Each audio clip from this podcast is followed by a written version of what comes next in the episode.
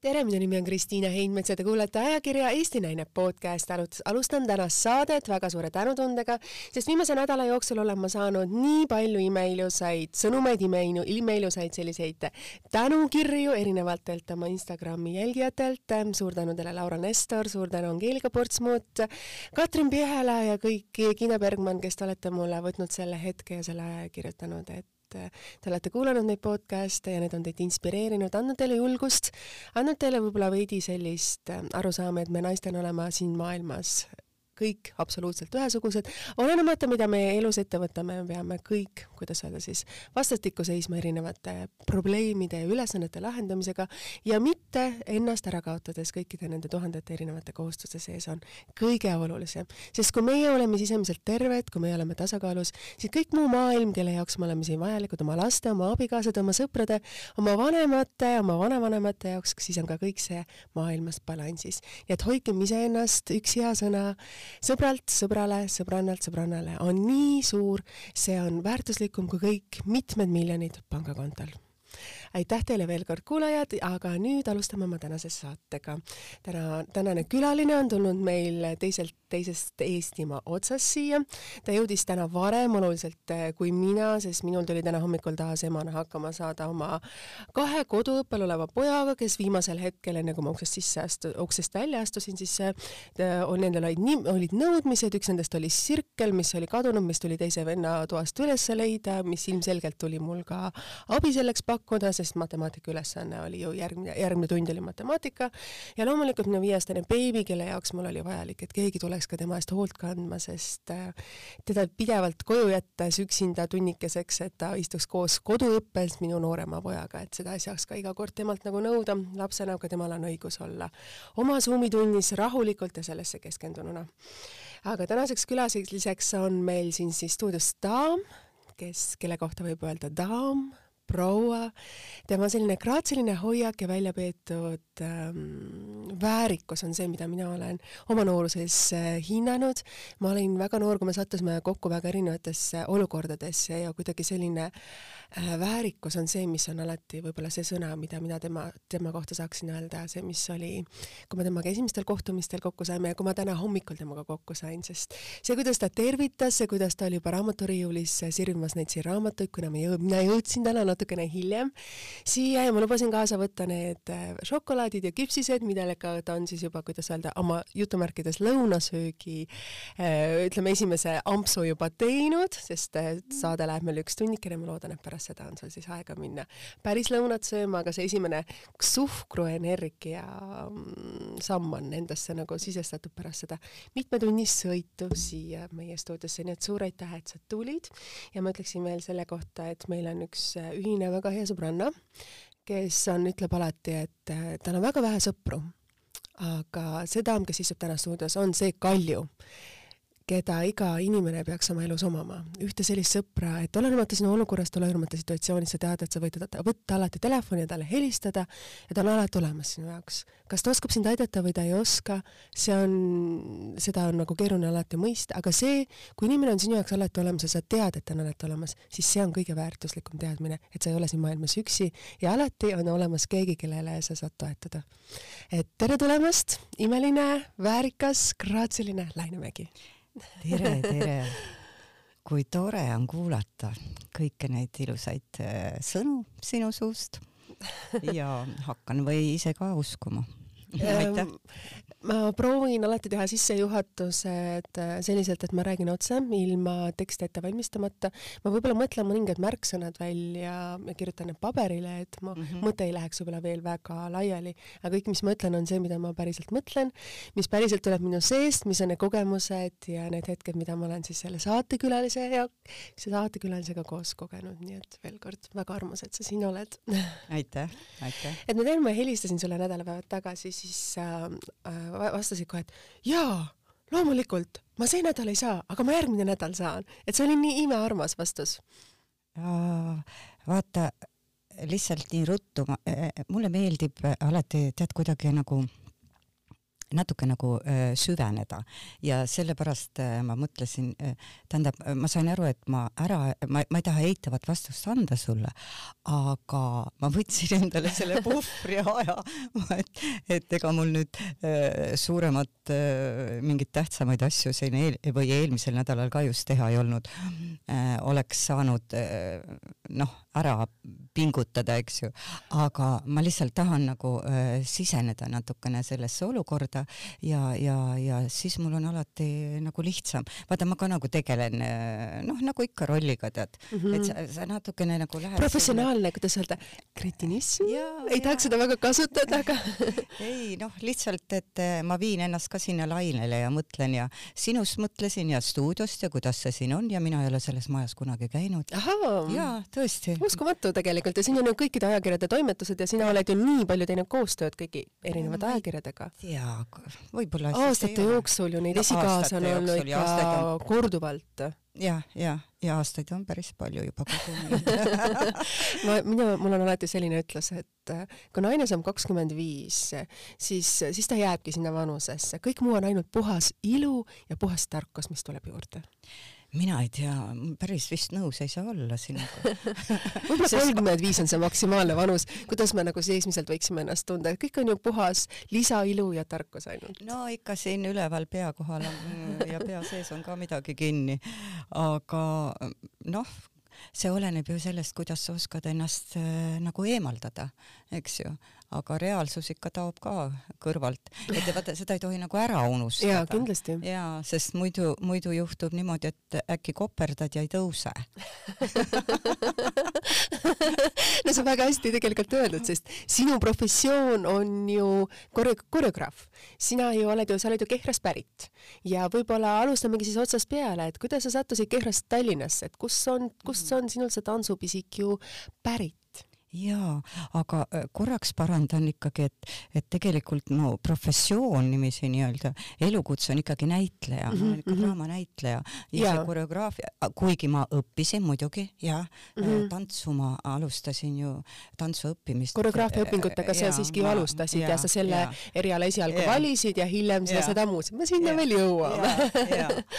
aga, aga Tallinnasse sa sattusid ju tegelikult koreograafiat õppima. jah täpselt, Kehrast, mis on pisikene koht. tead, ega vaata, enam ei olegi nii pisike, nüüd on juba mm, -hmm. nüüd on juba suur ja vaata, mis ajalehed siin paar nädalat tagasi kirjutati. jaa, täpselt. õudne maailma esimene, eks ju. aga et, ma küsin su käest, et kui palju sa ise seal Kehras täna, täna käid ja mis mälestused sul on endas sellest paigast, sest äh, kindlasti see mm, imeilus väikene maakoht on ju kordades muutunud ja seal on ju ka mm -hmm. Kehra mm, paberivabrik Paber, oli ju ja, aastaid ju selles mõttes ja kindlasti sina, kui mm -hmm. sina sinna sündisid, oli see hoopis teine maailm eh, kindlasti oli äh,, äh, aga äh, mis äh, stoiliselt seisab, on ikkagi Kehra paberivabrik ma usun, et see seisab veel järgnevalt, pärast neid ka veel seal et äh, sellest on mul hea meel, kuigi see äh, spetsiifiline lõhn mm, -hmm. mis mhm. äh, tselluloosivabriku korstnast, eks ju e, e, eraldub või suitsuna ta eraldub, aga lõhna ka, siis see oli minu lapsepõlves, see oli te, teistmoodi. ta no minul ei olnud, aga alati, kui mu külalised tulid mulle külla ja rongiga sõid, mis teil siin haiseb? ma ütlesin, ei ole, et see lõhnab minu, meie Kehra paberivabrik, aga nüüd mm -hmm. on seal uued omanikud ja no kõik see on muutunud ja kindlasti, kindlasti. see mingi filtrid paberi... ja süsteemid ja nõuded ja, ju ja see, äh, see nii-öelda äh, lõhn või, või see, see on ka hoopis teistmoodi, see ei ole minu lapsepõlve tehase lõhn. Aga olgu, olgu sellega, kuidas on, aga lihtsalt äh, mina käin, ma käin päris no vaat, ma ei saa öelda, et tihti, aga igal vabal võimalusel ma käin Kehras. Ja ma toimetan seal juba viimased mm, nüüd neli aastat mis sind seob sellega, kas sul on mingisugune kodu seal, suvekodu? ja, meil on see minu lapsepõlvekodu mm -hmm. ja mu ema mm, lahkus äh, kaks tuhat neliteist, nii et mis neli aastat, juba kuus-seitse aastat appi, kuidas aeg, no näed. Läheb kiiresti. ja, ja, ja keegi seal ei ela küll mm, -hmm. aga ma mm, noh ja, ja vend on mul ka, aga vend ka äh, elab enamus või noh, põhimõtteliselt mujal, et ja mina olen võtnud selle sellise ma tahtsin, ma tahan seda korras hoida nõndaviisi, nagu oli siis, kui mina olin väike, nii nagu, et ma ei taha midagi sinna juurde ehitada või nõnda. Ja siis ma alustasin selle äh, ja ma olin lubanud ka kunagi oma isale, et ma teen siin remondi ära mm. -hmm. ta ütles, laiukene, tee sina remont, sest Tom mm, -hmm. Tom ei, Tom ei hakka tegema. ma ei tea, miks ta nii arvas. kas sinu hüüdnimi on Laiuke? minu isa. sinu isa hüüdis sind Laiukeseks? ainult minu isa on mind kutsunud niimoodi Laiuke. aga kust see nimi tuli? või millal sa mäletad, millal ta seda sulle ütles? tead, ta ütles Laiu äh, ja kitsejälg, Laiu ja kitsejälg olin ma ja. aga miks nii? Ei tea, võib-olla noh, eks ta hellitusnimena tuli, vaata, ilus. väga ilus nimi, ma sellepärast ütlengi. ja niimoodi ei ole keegi mind kutsunud mm,. vanaema Paabis, vaat Paabissit ema, ema siis, emapoolne vanaema, tema tegelikult oli ääretult ilus nimi, Anna-Maria väga ilus, see on ju kuninglik nimi. jaa, loomulikult. ja, ja Paabissiks me teda kutsusime, kuna meie äh, suguvõsas oli siis nõndaviisi, et eks meie oleme ingerlased, ema mhm, poolt ma olen mhm, ingerlane mm. -hmm ja siis äh, nemad abiellusid, kes siis eestlasega, kes siis mm -hmm. äh, venelasega, kes siis äh, kellega. no tolle ajastu teema nii oli, et. ja, ja, ja, ja, ja perekeel sugulaste vahel mm -hmm. oli eesti keel, soome keel ja vene keel. ahhaa, nii et sina valdasid kõiki neid kolme keelt oma lapsepõlves, need olid osa sinust? vaata, kuni koolini ma tegelikult ei teadnudki, et ma räägin kõiki neid keeli päriselt, päriselt, sellepärast et vanaema rääkis ainult soome keelt mm. -hmm wow. ja mm, -hmm. ja, ja temaga siis, eks ju, äh, onu Igor oli ainult vene keel ja Aha. minu ema ja tädi Mari ja teised noh, lapsed, kes seal, äh, need rääkisid ka siis seda segakeelt mm, -hmm. seda kolme segakeelt ja kui koolis esimeses klassis tead, ega ma päris täpselt nüüd ise just ei mäleta, aga ema on ka nagu rääkinud mm -hmm. üle, et ähm, aga see on mulle meelde jäänud, et noh, näiteks ma ei mäleta, mis sõna see oli, ma pidin ütlema, eks ju äh,, koer ja ma ütlesin sabaka vist või, või äh, mida iganes mm, -hmm. äh, mis keeles ja ta ütles, et ütle äh, eesti keeles mis vahe, tähendab, ja need laused olid mul segakeeltes niiviisi ja siis, siis ma ütlesin, et ma sain nagu äh,, nagu riielda, et ma äh,, ta ütleb, et eesti keel või, aga ta ei saanud aru minu, minu äh, jutust. ja siis ema ütles, et sa pead rääkima koolis, eks ju, eesti keeles ja siis soome keel on see ja vene keeles on see ja eks ju ja, ja siis hakkas mul vaikselt kohale jõudma. Ma tegelikult siis see kooli algus oli väga keeruline ju selles mõttes, et kuidas sa hakkama said, mida sa mäletad lapsena, mida sa läbi elasid siis? tead, ma ei mäleta, et mul oleks keeruline, ma suutsid need lülid kohe panna, panna nagu ja. toimima kõik ühiselt, sest ja. vene keel hakkas ju tollel ajal ka esimesest klassist. absoluutselt, muidugi, ja vene keel oli mul ju suus, mul olid ju ja. vene, eh, Valja ja Niina olid minu sõbrannad näed, siiamaani mäletan ja äh, muide, mingi, mingi aeg tagasi, kui ma fotosid vanu mm, lehitsesin mm, -hmm. siis ma nägin seda fotot, kus oligi Valja, Niina ja mina. ja tegelikult muidugi mõtlesin, miks sa ei mõtle, eks ju, aastaid tagasi, kui palju sellest on, et huvitav, et mis nendest inimestest on saanud, ma ei ole kunagi neid kohanud. ei ole, kas nad ei. elavad seal tagasi või sa oled mõelnud nad üles otsida eh,? ma olen mõelnud jaa, aga ma ei tea, kuna ma olen käinud Kehras äh,, nüüd ma äh, käin ju kogu aeg korrastamas ja teen aiatöid ja, ja remonti ja kõike, mida ma seal, issand jumal, kui tore. ma olen nii vaimustatud, tead, ma, ma, ma nagu kukun ära sinna Äh, äh, ja mitte keegi ei tea ju, kus ma olen ja keegi ei tea seda kohta, kus ma elan kehrakad teavad muidugi ja ma ei saa öelda. sinu väike saladus. ja, ja ilmaasjata ma seda reedan praegu, eks ju.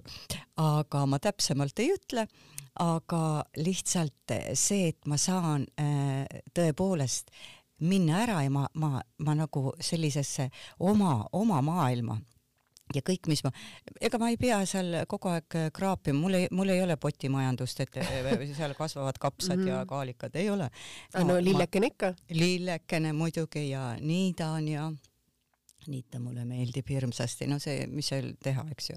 aga, aga peenraid ja tead midagi kasvatada meeldib eh, minu lapselapsele Hermanile. tema hakkas, oota, see oli juba kolm, kaks aastat, kuskil ta oli kaheksane, nüüd ta on üksteist juba.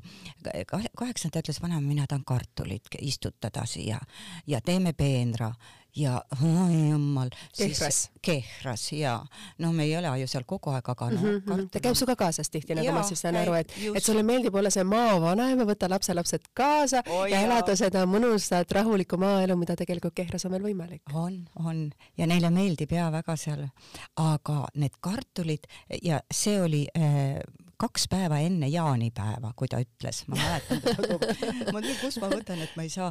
siis läksin tädi Mari juurde minu ema õde, kes elab äh, ka Kehras. Mm, -hmm. läksime sinna, ma ütlesin, tädi Mari, kas sul on mõni kartul veel jäänud keldrisse?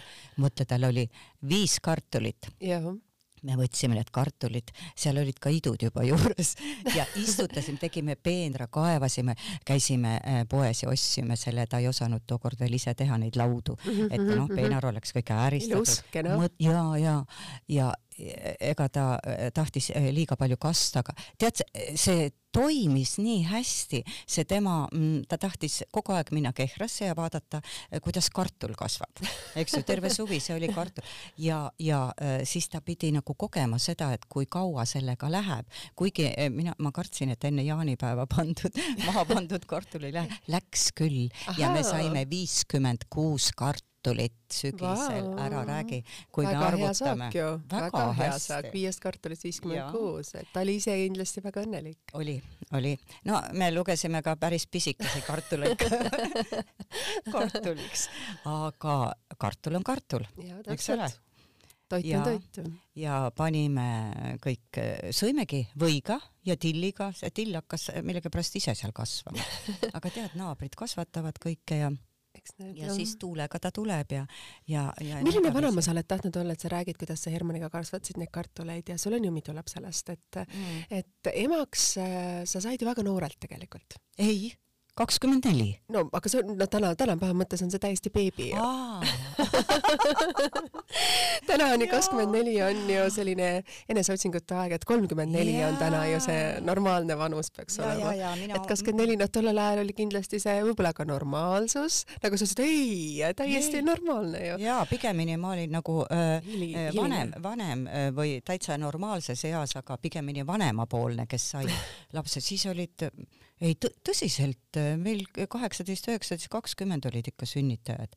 kuigi minu ema, mina sündisin mm, äh, siis, kui minu ema oli kolmkümmend kaks ja, ja mm. aga vaata, see siis tähendab, et käibki niiviisi jälle, eks ole ma arvan, et see oli pigem, äh, kui sinu ema, noh, kui sina vaata sündisid, see oli ikkagi väga keeruline aeg. et noh, peale sõda, eks ole, peale sõda, mitte kohe peale sõda et mul on ka, mul on endal oli üks mu ema sõbranna oli mm., kelle ema sai esimest korda, ütleme emaks samamoodi neljakümne viiendal eluaastal, mis oli siis ja ta elas saja, ta elas saja kahe aastaseni, et ja ta lahkus alles siin üks kümmekond aastat tagasi, see naisterahvas.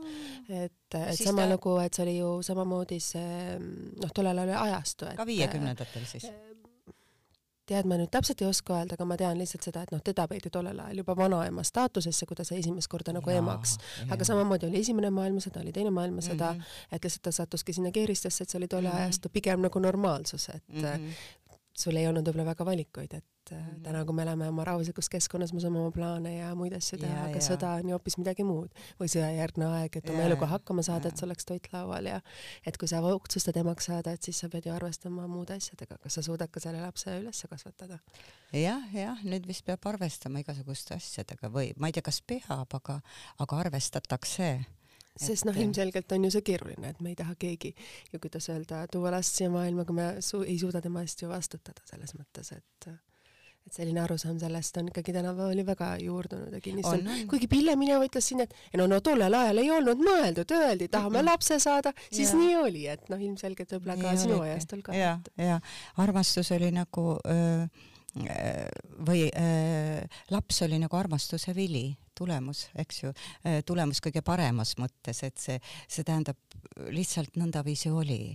kui sa emaks said, sa ütled, et sinu laps oli armastuse vili, et kuidas sa mäletad ise seda aega, et emaks olemist? tead, ma mäletan seda, et kui ma ootasin Liisut siis äh, mulle tundus, et ma olen üldse esimene naine, kes ootab last, esimene rase. Ja ma olin nii, nii õnnelik ja ma olin nii tohutult ähm, energiat täis ja ma tahtsin kõike teha ja aga ma läksin päris suureks, aga aga viimased, oktoobris ta sündis, aga augustis igal juhul mina värvisin Kehras seda meie kodu äh, maamaja seal ja isa käis ja palus laiukene tuled redelilt alla. Inimesed vaatavad, et me panime rasedad töösse et aga ma äh, ja et ma olen esim-, tõesti, mul oli, ma olin nagu pilvedes, ma olin nagu üle et keegi ei tea, kui õnnelik ja kui, kui eh, vot, vot niimoodi peab olema rase, niimoodi peab kandma teda ja niimoodi ma sünnitan. et see oli, eh, ma ei tea, see tunne oli mingisugune eh, üheksas taevas, seitsmes ka tõsiselt ja pärast ma olin ka väga õnnelik ja mul oli kõik välja vaadatud, et mis ma pärast sünnitust kohe, vaata oktoobris juba ei ahe, et mis mm -hmm. ma mhm. selga panen ja kui uhkelt ma lähen selle lapsevankriga nagu keera vahele. mõtle, ma olin nii paks, ma võtsin nii kohutavalt palju juurde, et mul ei läinud üks käsi selga. mul oli ainult Tõnise teksad ka jalga, see oli nii õudne. no aga Tõnis oli ju tollel ajal oluliselt kõhnem kui täna. et ta oli ju nooruses ju väga poiss. nüüd ta ongi samasugune, vaata. nüüd, nüüd on... vahepeal, vahepeal jaa, ärme nüüd, see skaala on ka nüüd käib vist üles-alla, ikkagi nii tuleb, ma pean ikkagi sinuga nõustuma, et ja. käivad skaalad üles-alla. ja, ja ikka ta jookseb edasi, noh, eks ju. oma võngud, võngetega, et. et et äh, mina olin, no igal juhul ma, ma mäletan ainult ühte suurt rõõmu ja õnne. Ja aga palju see sinule endale stressi see tekitas, sest ikkagi näitlejana äh,, olles sellise ikkagi noh, tollel ajastul väga suure superstaari abikaasa äh,, olla siis ütleme noh, äsja sünnitanud äh,, ikkagi need vastuvõtud, see tähelepanu, mis ka sinule tegelikult ju langes selle noore emana. Ja ka sinu töö oli ju seotud noh, näitlejaks olemine ja koreograafia, tantsimine, et kuidas sa sellega kõik hakkama said, et tänapäeval on see nagu suur probleem või kohutav probleem, millele pööratakse tähelepanu, et sa rasedana liiga palju juurde ei võtaks ja et sa pärast oma seda toitumist nagu jälgiksid, et sa suudaksid nagu kiiresti taastuda või oma energia tagasi saada. kuidas, palju sina tollel ajal sellele mõtlesid? Äh, tead, mina, ma nagu ei mõelnud üldse sellele, et, et mul ei õnnestu seda kahtekümmet viit kilo maha võtta.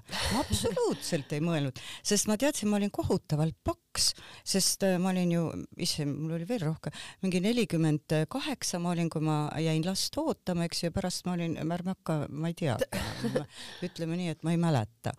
ja, ja siis, kui ma ma hakkasin üldiselt kohe ka trenni tegema, aga minu trennid olid sellised, eh, eh, ma ma mõtlesin need endale välja, see oli üks äh, jalutuskäik lapsega, kaks, eks ju, äh, vankriga, siis ma käisin äh, Kehra klubis, ma olin siis seal paar kuud lapsega, väikse lapsega. Ja tegin seal ühe trenni, kusjuures see läks kohe kõlakana lahti ja mul tuli päris palju, mul oli mingi kolmekümnene naiste rühm seal pärast, kõik ütles, me tahame ka alla võtta, ma ütlesin no tulge, et miks ma. Ja, ja see, see kogunes nii, et mingi aeg, mingi aeg ma tegin jah, jah, tookord ja, ja siis ma jooksin ja siis ma kõndisin ja ega ma midagi hullu ei teinud. ja kõik läks nagu selliselt iseeneslikult, et sa ei võts... näinud suurt vaeva? no vaeva ma nägin, ma tegin kuus trenni päevas, aga kuus trenni päevas jah, aga, aga need trennid oh. olid, aga need trennid olid sellised pooletunnised, kui Aha. ma keskendusin, et see mm -hmm. on trenn. vaata, ma võisin käsi tõsta ka, eks ju, või äh, jalutada aga siis ma tegin nagu trenni mõttes seda jalutamist. kiiremalt käisid? no jaa, ma lihtsalt ma ei tea, kuidagi ma, vaata ma ei pabistanud, aga ega ma, ega ma võtsin alla terve aasta ega ma ei, ja sellepärast, miks, sellepärast et ma lubasin endale süüa absoluutselt kõike, mida ma tahtsin. ma võtsin endale eesmärgiks äh, alla võtta, aga mitte midagi endale keelata, sest ma nii kohutavalt armastan süüa ja eriti magusat tookord. ma olen äh, nüüd viimased äh, kümme aastat võib-olla juba tunduvalt vähem äh, söön magusat ja, ja ei luba ja eks see tuleb aastatega, et ei tahagi nagu mis see lemmiktoit siis on, kui ma võin küsida, et sa lubad endale nagu kogu aeg nagu seda söömist ja asju, et äh,? ei, ma lihtsalt püüan süüa äh, päeval suppi ja mul ei ole selliseid lemmikuid, ega ma, ega ma suur, tähendab, ma olen selline kõigesööja, aga noh, ühest küljest ma nagu valin ja, ja ma ei tea. nii et supp on sinu jaoks oluline? on, on, ma, ma, ma katsun süüa suppi. Kui sa täna vanemana teen lapselapsele suppi, et kuidas nad sellele peale vaatavad? tead, ma ei tee üldse süüa neile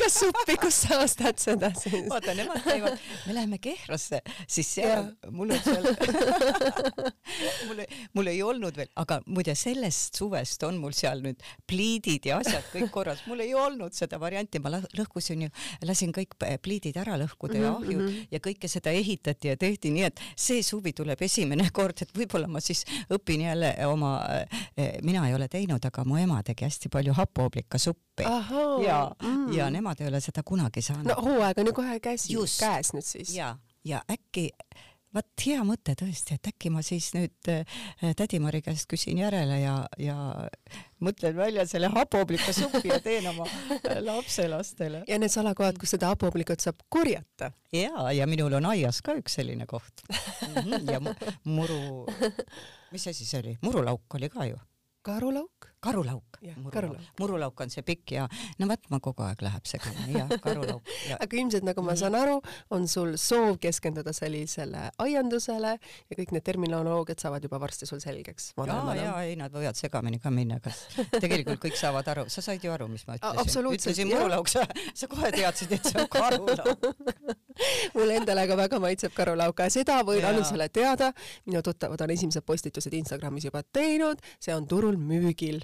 Siinsamal Balti jaama turul on müügil, nii et kui sa tagasi Pärnusse sõidad, on sul võimalus võib-olla sealt, kindlasti on ka Pärnu turul seda siis saada. jaa, aga mina arvan, et ma lähen ikka metsa siis ma ikka lähen ise või, või lähen käin siit Kehrast. kuule, aga see on hea mõte, ma sõidangi läbi Kehra. ma vaatan, äkki mu karulauk on ka üles tõusnud. no vot, saad võtta kaasa selle ja, ja, ja siis Pärnu. väga, väga hea mõte aga lähme edasi, et mida sa ise mäletad, et kui sa nagu keskkoolist sattusid siia Tallinnasse, et mm. Äh, kuidas nagu see valik oli, et see on ikkagi vaata kõigi naiste jaoks on see ikkagi kannapööre, eriti kui sa tuled nagu teisest linnast, äh, väiksemast kohast lähed suurde linna vaata, aga esimest korda ma tulin ju balletikooli ja, ah, ja, ja, ma tulin mm -hmm. ju nelja, äh, oota, see oli kolmanda klassi ma lõpetasin mm, -hmm. siis neljas klass oli kui vana inimene on neljandas praegu, üheksa-aastane? üheksakümnene ikka. kümme, üksteist ikkagi, ikkagi peaks ta olema, et seitse koos, seitse, kaheksa, üheksa, kümme, kümme, üksteist, et mm. -hmm. ja siis ei olnud balletikoolis internaati nii et ma sõitsin iga jumala päev. iga päev Kehrast? iga jumala päev. ja siis ei olnud ka niimoodi, et laupäeval ei olnud tunde, laupäev oli ikka koolipäev, koolipäev mm -hmm. ja ja et iga hommiku pool kuus mina tõusin, pool seitse ähm, läks rong välja Kehrast, siis ta sõitis natukene nagu kauem kui praegu ja pool kaheksa oli ta Balti jaamas, kell kaheksa hakkas klassikatund. siis ma jõudsin. pidi sul lapsena olema, et seda kõike teha iga päev, kuus mm -hmm. päeva nädalas. ja mis kell sa koju jõudsid? tead, ma jõudsin kuskil mm. õhtul samal ajal, pool seitse või nõnda, sest äh, tunnid, äh, meil olid ju erialatunnid, eks ju, klassika oli ja siis olid ka kõik need eesti keeled ja matemaatikad, me saime ju tavakoolitunnid, mis olid ka kõigil teistel lastel ju ained. jaa mm. -hmm mis oli su esimene etendus, kus sa osalesid balletikooli õpilasena? Eh, Pipi Pikksuk muidugi, kuidas, jaa, Pipi Pikksuk, ma olen Helgi Sallo mm. ja Katrin Karismaga koos laval olnud, alati Aha. olen väga uhke, aga mina olin siis neegrilaps ja, ja siis... sinu helesinised silmad ja blondid juuksed pandi parukas pähe ja oi muidugi, muidugi, me olime väga rõõmsad. Ja kõik värviti ju äh, ära pruuniks meid ja siis must parukas ja meid oli kuusteist mm, -hmm. eks siinpool ja sealpool ja siis see Kurrunurru võtisaar ja kõik ja nii nagu ikka etenduses.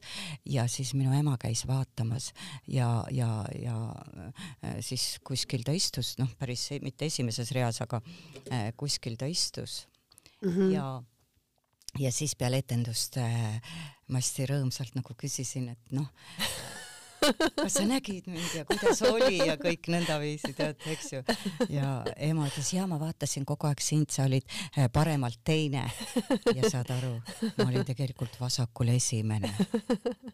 ja ma olin nihukeses, ma olin niisuguses šokis sellest, et ma, ma ei öelnud tookord emale ma, ma neelasin selle klombi alla, ma ei tahtnud nagu teda kurvastada, et ta oli kogu aeg vale last vaadanud. aga no vaat... aga no mis sa teed, kui sul on kõik kuusteist last, no kuidas öelda, teist kõik... nägu tehtud parukatega pruuni värvi, sa isegi ei saa oma lapse näojoontest ju aru. ei no muidugi, muidugi, aga lihtsalt ma mäletan seda kurbust ja siis seda rõõmu, et noh, enne seda rõõmu, et ta tuleb vaatama ja kõik ja siis ma nagu ennast, ma isegi mäletan seda, et ma, ma nagu natukene kiitsin ennast, et hoia tagasi, ära ütle talle, las ta tunneb rõõmu, noh, et see rõõm jääks nagu ülesse, tead, ja ega vist lõpuni ei öelnud, aga võib-olla ma hiljem kunagi rääkisin, ma ei mäleta seda, kas see jutuks tuli, sest teised asjad tulid ju peale. loomulikult. aga mis oli võib-olla mingi sooloroll, mida sa tantsisid või sulle, või sul ei avaldunud, ei avaldunud sellist ei. võimalust? vaata, balletikoolis ma käisin ju neli aastat ainult, siis on tervislikel põhjustel ma pidin eh, võtma pausi peale neljandat aastat. kui palju oli tegelikult neid lapsi, kes jätavad balletikooli tervislikel põhjustel just pooleli? ma ei tea ma ise ei tea, mina ei tea. oma kursusekaaslaste ennast, noh, minul on päris palju tuttavaid, kes on öelnud, et nad mhm. käisid balletikoolis mm -hmm. ja just jalad olid need, mis mingil hetkel hakkasid üles ütlema mm -hmm. või oli mm -hmm. siis see selgroog, et see pidevad ja. nagu painutused ja just see kogu see raskus on ju tegelikult jalgadel, et käed on ainult graatsiliselt sul kõrval ja lihtsalt kõigi juba lapsena ütlevad jalad üles. ei no eks see ole see tehnika ka tead äh,, kuidas äh, noh, minu ajal, ma mm, -hmm. ma ei räägi, mis praegu, ma ei tea, aga vanasti ma lihtsalt ei mäletagi üldse, et, et keegi oleks äh, palunud nagu või käskinud äh, lõdvestuda. saad aru, see oli kogu aeg peab, peab, peab, tuleb, tuleb, nii, läks. Ja kohe hakati kohe sirutus, sirutus, sirutus. Ja see, eks ju, ja, ja see tund lõppes ja, ja kui sul oli mingi häda, siis ega keegi ei tegelenud sellega, et noh, see oli tollel ajal ju lihtsalt nii oli ei, see ja need olid reeglid. ja siis oli ka uks on seal. jah, sest järjekord oli suur, sest balletikool oli ikkagi ju väga suur privileeg. ma ei tea, kui suur see järjekordki oli, aga see oli aga... privileeg, sa olid ikkagi välja valitud Võiboll, ja, ja et see ja. oligi ikkagi tollel ajal ballett oli midagi ülimat. nojah, ega ta praegugi on, mis sa mõtled? kõik need välja valitud inimesed, kes sinna jõuavad aga võib-olla tollel ajal oli ka see võib-olla nende emade ja kõik need äh, ikkagi tollel ajal need vene staarid, mida ju meie, meie oma emad nooruses nagu vaatasid ja unistasid sellest, et lihtsalt nii et, vähe ja oli... asju, mis oli võib-olla nii imeilus ja kui sul oli see tütrekene, kes võib-olla kvalifitseerus sinna või mm. siis võib-olla oli see, oligi see nagu omaenda unistus võib-olla mingil määral väljaelamine jah, no minu ema küll ei tahtnud. kuidas sa siis sattusid sinna? vaata minu balletiõpetaja Aino Kruustam, kes oli äh, kunagi Estonias tantsinud mm. -hmm, mm -hmm ka äh, sellel kuulsal äh, kratietendusel, kui pommitati Estoniat, tantsis tema, aga tema sattus siis Kehrasse äh, elama mm -hmm. ja siis kui mina olin väike tüdruk kuuekümnendatel, siis tema tegi seal balletiringi mm -hmm, ja mina mm -hmm. siis käisin seal kõiki oma iluuisutajaid ja husaare ja liblikaid ja tantsimas ja siis, kui ma olin kolmandas klassis, siis ta ulatas mulle ajalehe, kus oli siis ja proovi. balletikooli see äh, kuulutus, eks ju, et võetakse mhm. vastu uusi. ma jooksin sellega koju ja ema ütles, et ei lähe kuhugi. ja isa ütles, et las laps teeb, mis tahab.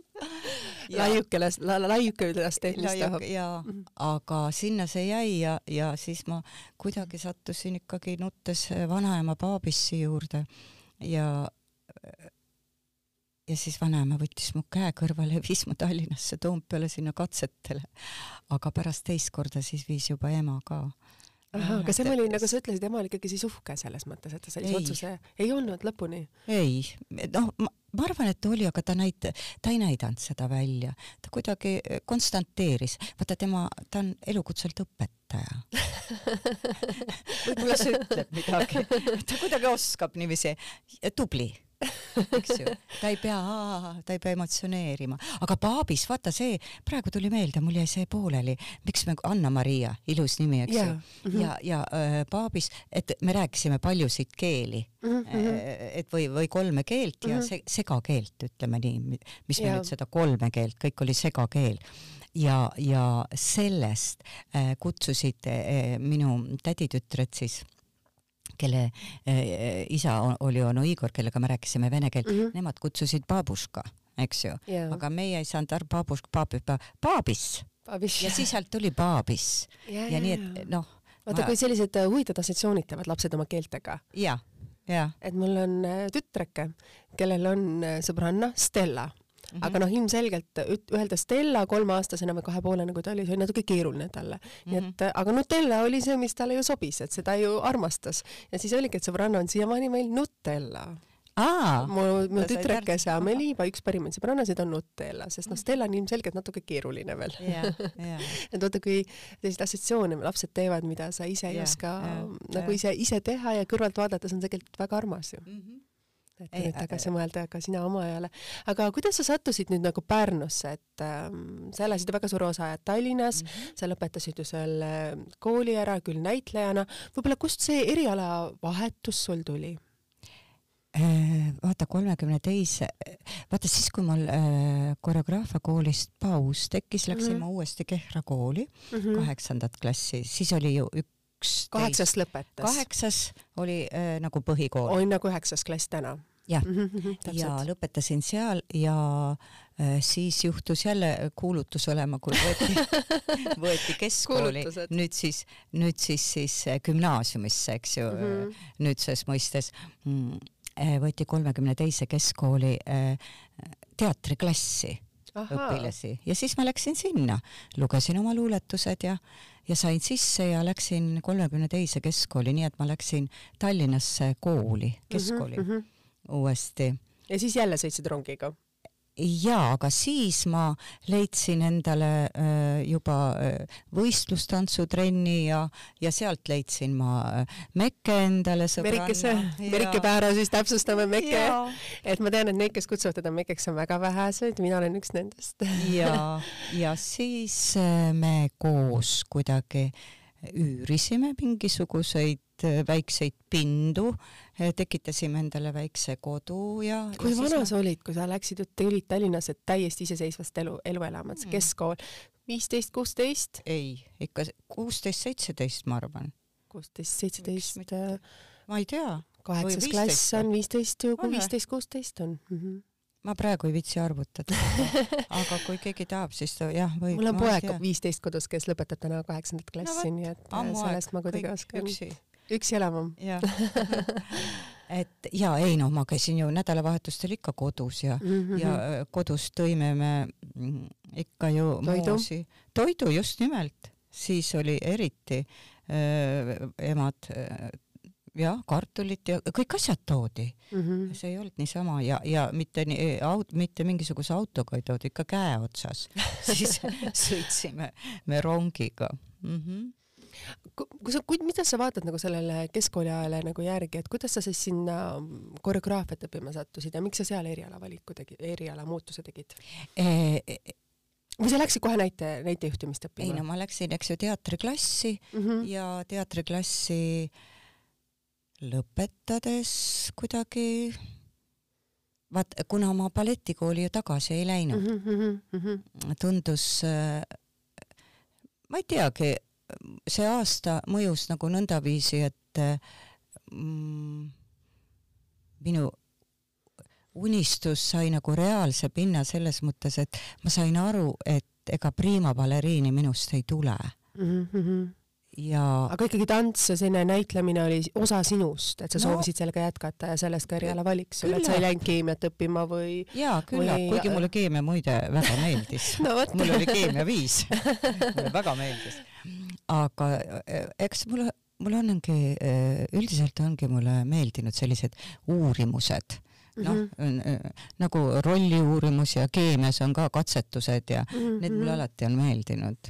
Aga lihtsalt eh, seal Sirje Raudsik, õpetaja, mm -hmm. oli kolmekümne teises, tema oli päris äh, selline äh, hea, väga hea kuulsusega, ja tema soovitas minna näitejuhtimist õppima Ei, siis või? ei selle äh, juba sealt otse, tead sealt kolmekümne teisest läksid ju üksteise üksteise järel mm -hmm. jah, mhm. ühest ja teisest sai nagu lavaka mm,, jah, kuidagi tead see äh, vaim, vaimsus oli selline ja sa läksid selle vooruga kaasa ja nii oli. aga äh, ma pean ütlema, et äh, kui ma keskkooli lõpetasin lõpuks, Mhm. siis äh, ega mina küll ei mõelnud, et kuhu ma õppima lähen ja äh, meil ei olnud nagu sellist sundust peal, ma mõtlesin, ma vaatan ja, ja üldse.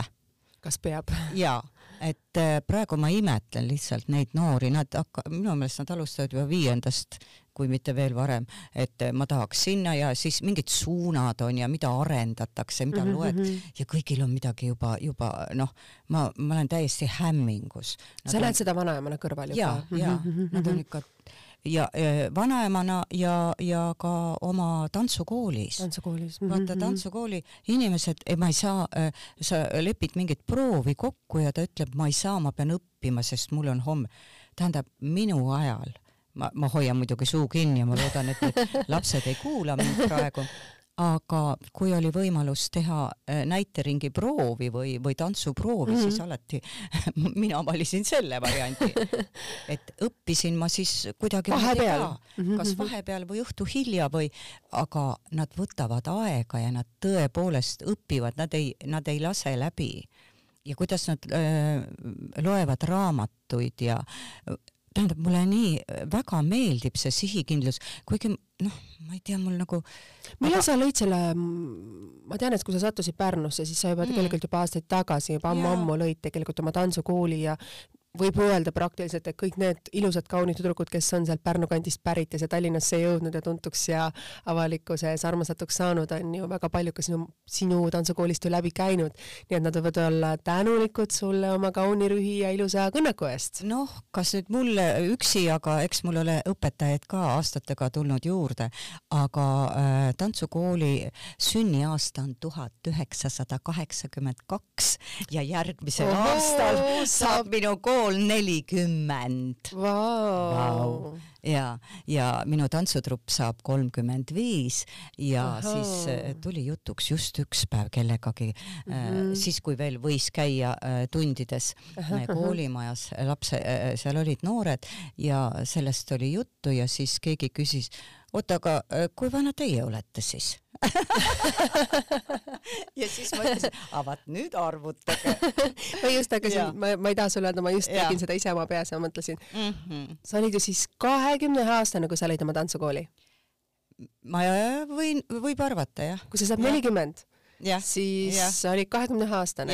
kas sa lõid selle siis kohe Pärnusse või see oli? absoluutselt siis, kui ma läksin äh, lavakunstikoolist, äh, me saime suunamise viiekesi mm, -hmm. olime Pärnu, valisime nagu Pärnu teatri endale. Endla teatri endale koduteatriks mm. -hmm ja siis ega ma ei arvanud küll, et ma teen mingit sellist asja, aga keegi sealt kettaklubist tuli ja keegi oli kuulnud, et vaat ma olen kunagi juba Kehras teinud midagi ja eh, eks ma Kehras olin ka juba kunagi eh, lapsena kaheksandas klassis ma tegin, siis kui ma balletikoolist ära tulin, ma tegin ju balletiringi endale, ise kirjutasin äh, kuulutuse posti peale ja mõtle, mulle tulid, et võtan seitsmeaastaseid tüdrukuid balletiringi.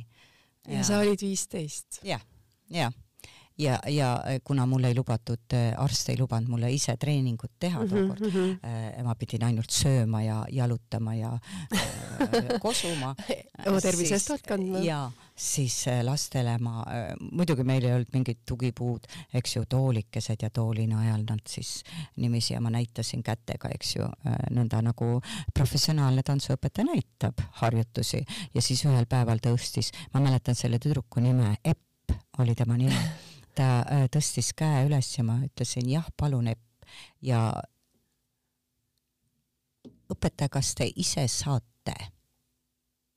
tead, pärast seda pärast seda tundi ja küsimust järgmisest tunnist panin ma trennisaali või treeningriided jälle, oota treeningriided selga ja ma panin sa... treeningriided selga ja alustasin vaikselt uuesti nende äh, treeningutega, nii et äh, eks see puhkus äh, ilma trennita äh, kestis vist pool aastat natukene võib-olla. sul oli, aga noh, sul oli ka põhjus, et arstid kirjut-, ettekirjutuse aga... ja sul ei olnud ka valikut mõnes mõttes. jah, aga ma ei tea, tegelikult ma ei tea seda, sest ega ma pikali ei olnud ju ei no seda kindlasti, aga ikkagi noh, selline mm, järelikult oli ka väga põhjuseid, et ja. et tollel hetkel on ju ka see kõige kiirem kasvuperiood kõikidel lastele ja siis tollel hetkel no, tuleb mingil hetkel teha valikuid. jah, aga võib-olla see oligi ainult sellepärast, et ma kasvasin nii et aitäh, Epp, kui sa kui sa kuskil mind kuuled, siis tänu sulle on sündinud ka tantsukool hiljem. aga kui me mõtleme äh, sinu elule tagasi, siis sa oled ju väga suur osa, oledki Pärnus olnud ja seal enda teatris mm. ju näitlejaks olnud ja sellega on kaasnenud ka väga mitmed filmirollid ja teleseriaalid ja selle neljakümne aasta jooksul, mis siis võib nüüd kokku võtta nii selle tantsuringi kui nende näitlejaks olemise karjääri mm. osas, et kui sa nüüd tagasi vaatad, mis on võib-olla need eredamad rollid, mis sulle endale on nagu südamesse jäänud või mõned hetked, mis on sellised kaadritagused äh,, mida sa ise meenutad sellise nagu hea tundega mm., võib-olla naljatundega või võib-olla ka oh, väga jumal. sellise raskusega mm? -hmm ega, ega ei oskagi midagi. Äh, neid kindlasti ei suuda me kokku lugeda, sest ei, neid on selle aja jooksul olnud liiga palju mm. lihtsalt ma ütlen, et äh, täpselt seitseteist, kuusteist ja pool aastat olin ma Endla teatris mm -hmm. ja siis ma äh, tulin üheksakümmend üheksa tulin ju Eesti Draamateatrisse mm. -hmm. ja nüüd ma olen siin ja nüüd on natukene rohkem kui sama palju, eks ju, nagu peaaegu pooleks, aga draamas ma olen nüüd kauem olnud. küll. et äh, mis on võib-olla need hetked, et või, või, kuidas, kui sa läksid endal teatris esimest korda lavale, kas sa mäletad selle tüki nime või mis tunne see oli, et sa läksid nagu päris näitlejana lavale, et see oli kindlasti teistmoodi ju? mis tunne sind nagu valvas, val-, valdas sellel hetkel? seda, kes see nüüd mäletab seda täpselt, seda ma mäletan, Superdiskor oli selle äh, tüki nimi, see oli väga populaarne ja siis ei teatud diskoritest muide midagi.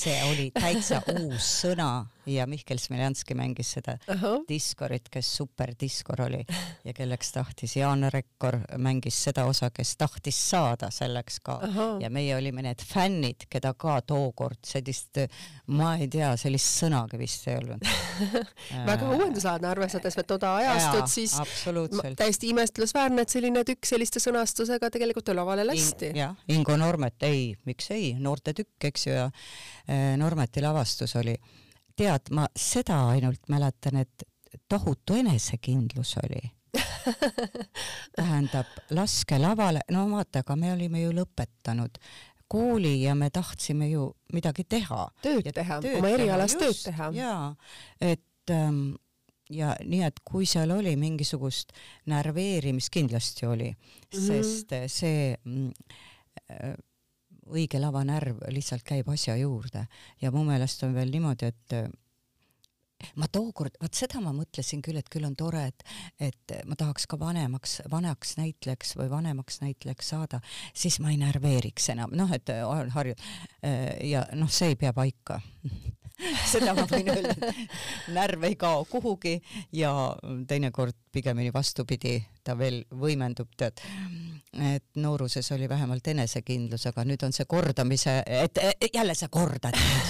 issand jumal, kas midagi uut ei saa. see on see nooruse uljus ja nooruse hulljulgus, millele me tagantjärgi mõtleme, et mm. kuidas on see võimalik, et ma julgesin selle, seda sammu ette võtta, kuidas ma julgesin seda teha. täna ma enne mõtleksin kümme korda, siis ilmselgelt vastaks ei ja, jah, võib küll olla. on ju tegelikult nii, et mm., et mina ise vaadates nagu neid otsuseid, mida ma noorena tegin, siis ma täna võib-olla ei ole nii kindel, et ma julgeksin seda ise teha. jaa, aga no mis on tehtud, see on. see on tehtud juba. ja mis ei tapa, see teeb tugevaks aga kui sa tulid nüüd sealt Endla teatrist äh, Tallinnasse, alustasid tööd Draamateatrisse, see on ju hoopis teistmoodi, teistmoodi keskkond, teistmoodi näitlejad, äh, kuidagi teistmoodi oma, oma, omamoodi, et mis oli see esimene tükk, kui sa seal läksid lavale? et ilmselgelt sa olid koostööd teinud juba selleks ajaks väga jah. mitmete teatritega ja olnud seal erinevatel lavadel. tead, ega teatri, teater ja teatriga näitlejad on kõik ühesugused. Aga teatrid on ju erinevad ja, ja ka reeglid on erinevad. aga nagu ju. kodudki, aga kodu on kodu. ongi nii jah? jaa et kui sa tunned, et see teater on sinu kodu, siis ta on sinu kodu? ta, no nii, nii, nii või naa on ta ikkagi. on ta kuidagi pere, pere ja koduga võib teda natukene võrrelda ja esimene tükk äh, oli Priit Pedajase lavastuses Kui me Moonsundi Vasseliga Kreeka pähkleid müüsime, siis ükski ei tahtnud osta vot selline. sul on lausa see, milline mälu mis mälu, jumal, see on kõigest pealkiri. aga no ikkagi selles mõttes, et äh, see, see ei ole just nagu väga lihtne pealkiri et mul ei jäänud siin, mul ei jäänud küll see meelde, mida sa praegu just ütlesid. nojah, aga kõivutükk on see ja mm, -hmm. ja seda võib äh, täitsa üle lugeda ja seda saab muide ERR näitab, näitas seda mingisugusel öösel. Siin nagu klõlksub midagi kogu aeg sa mõtled oma nendes, äh, meil on vist tehniline probleem väike, aga mina ei kuule praegu midagi okay,, et ma ei oska öelda, et võtab selle maha. et võib-olla ma ise liigutan käsi või sa ise liigutad jalga, et siis mhm. on, et, et kuulajatele lihtsalt teadmiseks, et äh, Laine näitas oma kõrvaklappide peale, ütles, et tal on väike tehniline no, probleem, aga ma loodan, et see ei ole, et see ei ole väga segav ei, ma arvan, et Lauri lõikab selle välja lihtsalt ma loodan, et ta seda ei tee, see on väga armas hetk. et lihtsalt ähm, me jäime siis teatrisse pooleli, et kodu on kodu. Äh, praegune juubilar mm -hmm. siis või no mis juubilar, noh tänu, tänu tõesti, äh, tema mängis seal peaosa, eks ju mm, -hmm. ühte suurt rolli ja, ja ERR näitas mingil öösel, näitas seda tükki telekas. Mm -hmm. päris, äh, ma kohe kartsin natukene, sattusin kogemata peale ja kartsin isegi, et ei tea, kas tahad, no vaata, iga kord ei taha nagu vaadata iseennast, mitte iga kord, vaid mitte kunagi ei taha, aga siis, kui ja tükk oli kuidagi nii ehe ja hea ja tore ja see tükk lihtsalt iseenesest on väga äh, hea ja jäingi vaatama, vaatasin kõik kolm vaatust ära. kui sa iseennast kuulad või iseennast vaatad, siis ähm, kuidas sa nagu sellesse suhtud, et äh, kui mina ennast kuulen, siis ma alati mõtlen, et mul on nii kohutav porgandi hääl, et mm -hmm. kuidas saaks oma häält paremaks teha või kui ma olen telesaateid juhtinud, siis ma ei suuda ennast vaadata, siis ma mõtlen, et kui kohutav, et miks ma neid käsi liigutan või miks ma enda pead selliselt liigutan või miks ma neid silmi pilgutan nendes mhm. kohtades mm, -hmm. kui sa teed, et et sa küll oled seal selles positsioonis, selles otse-eetris, siis sa ei mõtle nendele detailidele, aga sa kõrval kõrvalt vaatad, siis seal on nagu piinlik, häbi võib-olla teinekord minul iseendal, et ma ei suuda nagu iseennast nagu väga vaadata, et kuidas sul endal on selle asjaga? no nii nagu kõigil vist, et ega eba, ebamugav on esimesed äh, korrad nõndaviisi, aga siis äh, ma saan aru, äh, olen aru saanud, et tegelikult ma pean üha rohkem ja rohkem vaatama, mhm, et mhm. aru saada, mida ma millal teen ja miks ma seda teen. ja kui ma selle analüüsi olen ära teinud ja tahan midagi muuta, siis see lihtsalt aitab mind ja kindlasti, et ma... ja nii, et seda tuleb kui õppetundi võtta. ma tean seda, aga sinnani jõuda, et sa pead need mitu korda ära vaatama ja seda piinlikkust tundma, siis sa mõtled, et oli sul üldse vaja seda saadet juhtida või no minul endal on olnud nagu see, et ja, ja. ja kindlasti sa näitlejana mõtled, et võib-olla oleks võinud mõne rohkem, mõne proovi teha. on ka selliseid hetki sul olnud mm,? ei, ei no niimoodi ei ole et, et ma mingit filmi vaatan ja mõtlen, et proovi peaks tegema.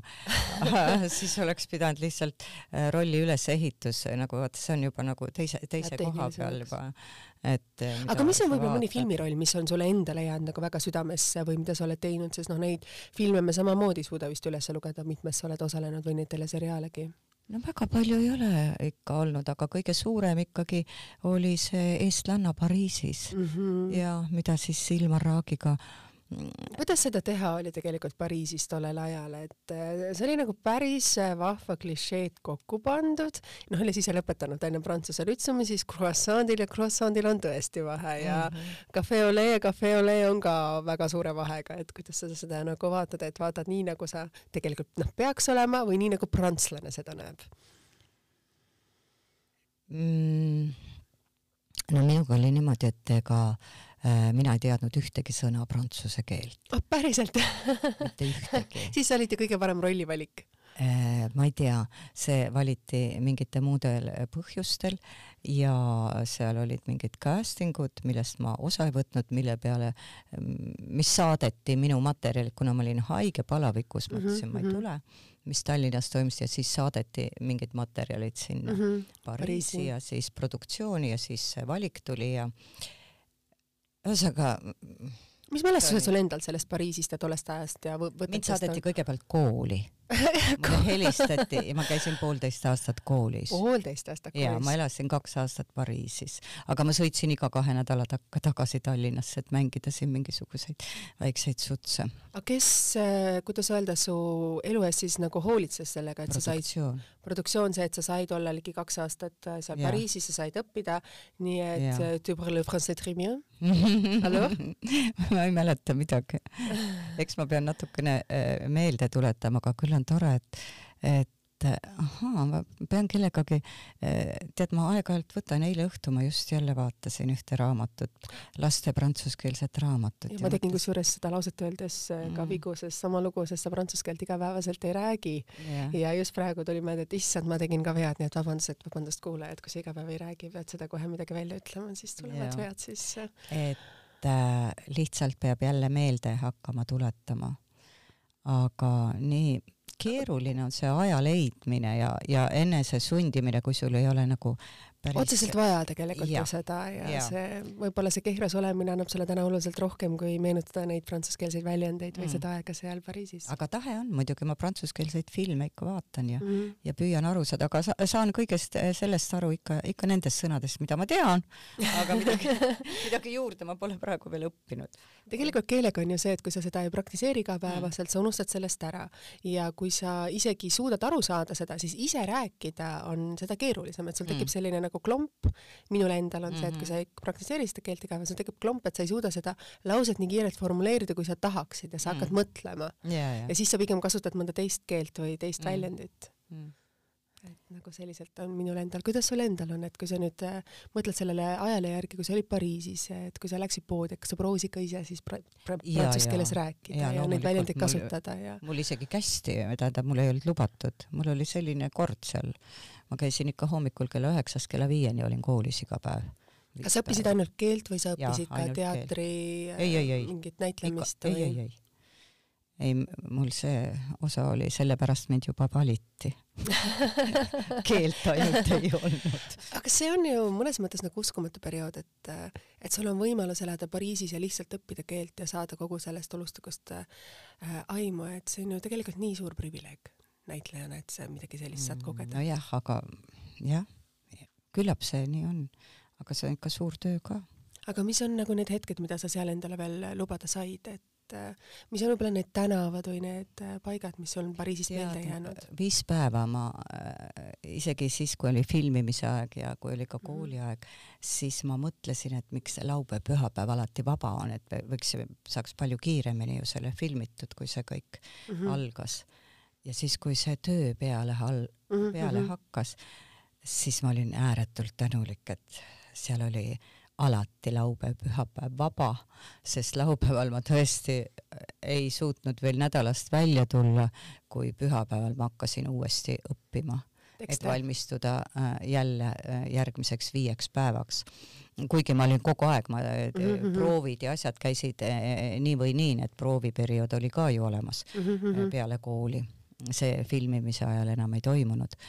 aga mulle, mulle meenubki, vaata, tähendab, ma lihtsalt see oli nii loomulik, ma käisin jala, ma läksin alati, ma elasin alati kesklinnas mm. -hmm. kuskil oli mul oma korter äh,, läbi Luuvri äh, läksin ma kooli jala ja läbi äh, Luksemburi aia nõndaviisi ja siis ma seal mõtlesin, et kui aastad lähevad mööda, siis äh, tuleta Laine meelde, et oli aeg, kus sa läksid hommikuti kooli läbi Luuvri aia ja läbi Luksemburi aia. see on kõige ilusam paik minu jaoks Pariisis.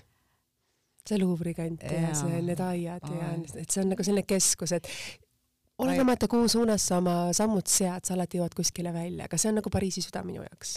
jah, küllap ta on, mina lihtsalt, minu siht oli teine ja ma olin alati väga äh,, ma, ma ei jõudnud, ma nüüd ma jõudsin siia aia juurde, issand, ma pean veel läbima selle, et jõuaks kooli õigel ajal, ma, ma käisin väga palju jala muidugi. see on ja. ka selline Pariisi võlu, et sa saadki seal palju ja. jala käia ja seal on ilus jalutada mm aga kui me räägime sihtidest, siis sa ütlesid, et sul oli igal hommikul selline siht käia sealt läbi aedade või mõelda, kuhu sa lähed. et mis on see siht sul täna silme ees, et praeguses olukorras, praeguses äh, kõikides nendes tulevastes tähtsates sündmutes, kool saab nelikümmend äh,, lapselapsed on olemas, sa armastad seda kehrat, õpid nüüd suppi tegema, sel suvi sa lubasid hapuoplika suppi teha, et mis on võib-olla need äh, sihid või need asjad, mis on täna sinu jaoks nüüd naisena olulised? Vaata, mul on eluaeg olnud üks unistus.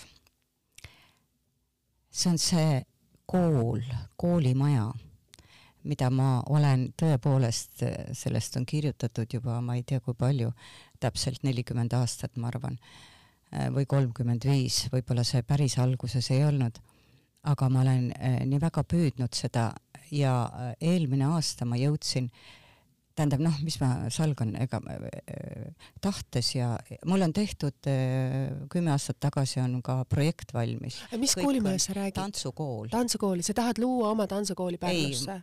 mul on olemas Lainemägi tantsukool Pärnus, aga ma tahan maja. oma maja sellele koolile, et kui ükskord see rendipind ära kaob, et siis äh, oleks kindlustatud vähemalt, eks ju.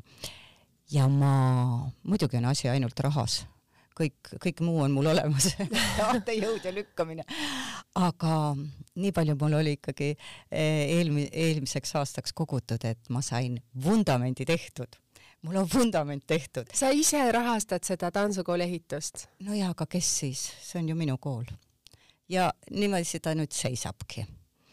kuigi ma tahan nüüd müürid ka veel mõelda, et eh, noh, vot selline unistus mul on, muud ei olegi tähendab, kõik muu käib sinna juurde, loomulikult äh, töötan ma teatris, ootan, millal saab lavale, loomulikult äh, teen ma plaane oma tantsukoolis, kus on äh, ligi kolmsada viiskümmend õpilast, viisteist õpetajat, kõik ootavad, me töötame praegu distantsil. Õpetajad. jah, meil on veel mingi, mingid tiimid ja tada, nii et õppige jah, oh jumal, aga ja ootan muidugi nagu kõik teisedki lihtsalt, millal saaks lastega kokku ja saaks äh, tantsud nagu kokku panna, sest igaüks kodus, eks ju, teeb midagi ja, ja kui palju ta õpib, aga nad peaksid ju ühes saalis kokku saama ja siis seal nagu üks energia välja tooma ma olen sinuga absoluutselt nõus, aga ma peab olema tänulik, et meil ka see võimalus vähemalt on, need Zoomid ja need internetiühendused meil on olemas, et see on üldse kuidagigi võimalik, sest muidu elada absoluutses, kuidas öelda, isolatsioonis kodus ilma, ilma sellise suhtluse võimaluseta oleks veel hullem ja keerulisem. ja, ja ega äh, ma ei ütlegi, et äh, ega me oleme väga palju arenenud äh,. ma äh, kõige rohkem mõtlen iseennast, sest ma poleks elu sees hakanud mõtlema mingitele äh, nendele ülekannetele, et mulle oleks piisanud telefoni teel rääkimisest inimestega, aga nüüd ma tõesti suhtlen palju, noh, hoopis teisi kanaleid pidi ka kuigi ega ma nüüd ei vaimustu sellest, aga, aga see on äh, ikkagi sild inimeste vahel. nii et mina, mina unistan ainult oma kooli aeg jookseb nii taob, tead, haamriga äh, vastu pead, et äh, ma ei tea, kuidas see õnnestub, aga tähendab, ega, ega ta ei peagi õnnestuma selles mõttes, aga vähemalt vundament on olemas ja võib-olla müürid ma suudan ka veel teha. aga siis ega see kuhugi ei kao. kunagi ju keegi ehitab selle lõpuni ja ma arvan, et kunagi keegi tantsib ka selles tantsukoolis, seal on kaks saali, üks on suur, üks on väike. aga aitäh, Laine, et sa tulid tänasesse saatesse aitäh, et sa rääkisid nii palju oma ilusatest hetkedest, nendest sinu südamesse pugenud mõtetest ja nendest detailidest, mis on olnud nii suur osa sinu elust. et sinu isa kutsus sind ilusti ja armsalt laiukeseks, see on kindlasti mida, mida väga vähesed nagu teavad, et sellised mm. hetked on tegelikult see, mis meid inimestena eluaeg mõjutavad ja mis neid sõnu nagu öeldes meid ka nagu muudavad või annavad meile energiat, kui me nendele hetkedele tegelikult ju tagasi mõtleme.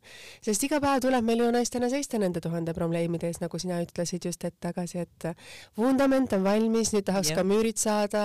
ma arvan, et nii palju neid naisi, kes kuulavad sinu sõnu ja mõtlevad samamoodi, aa, mul on nüüd kodul vundament valmis, aa, mul on võib-olla vundament valmis, et selleks, et minna õppima mingeid muid asju. see vundament võib omada nii palju tuhandeid erinevaid mm -hmm. tähendusi ja neid naisi ja inimesi võib-olla, kes seda saadet kuulavad, on samamoodi tuhandeid, kes mõtlevad, et kuidas ma suudaksin leida enda aega, energiat ja julgust ja oskusi, et need ka müürid üles saada sellele vundamendile, olenemata, mida see vundament nagu tähendaks. just, kas või üks. täpselt, kas, kas üks selline unistus, täpselt, nii et aitäh sulle, Laine, et sa tulid Pärnust Tallinnasse, me saame veel siin šokolaade nautida, süüa ja tassi kohvi teha veel. aitäh sulle veel kord, aitäh teile kuulajad! Ja veel kord suur tänu teile kõigile, kes te olete neid Instagrami kommentaare mulle siin jaganud salaja, privaatselt, eriti oma sõpradele, sest iga sõna, iga tagasiside on minu jaoks nii oluline, mis on nii hea kui ka positiivne, mida mina saaksin siin saates teha paremini. Või jätkata sama nii, nagu ma olen seda siiamaani teinud, otse südamest südamesse, nii lihtsalt ja nii lihtsas keeles, kui üldse on seda võimalik seda podcasti ajakirjale Eesti Naisele siis teha. aitäh teile ja saade on kuulatav Spotify's, tasku Delfi keskkonnas ja SoundCloudis ja kohtume teiega juba nädala pärast. aitäh teile, nägemist! thank you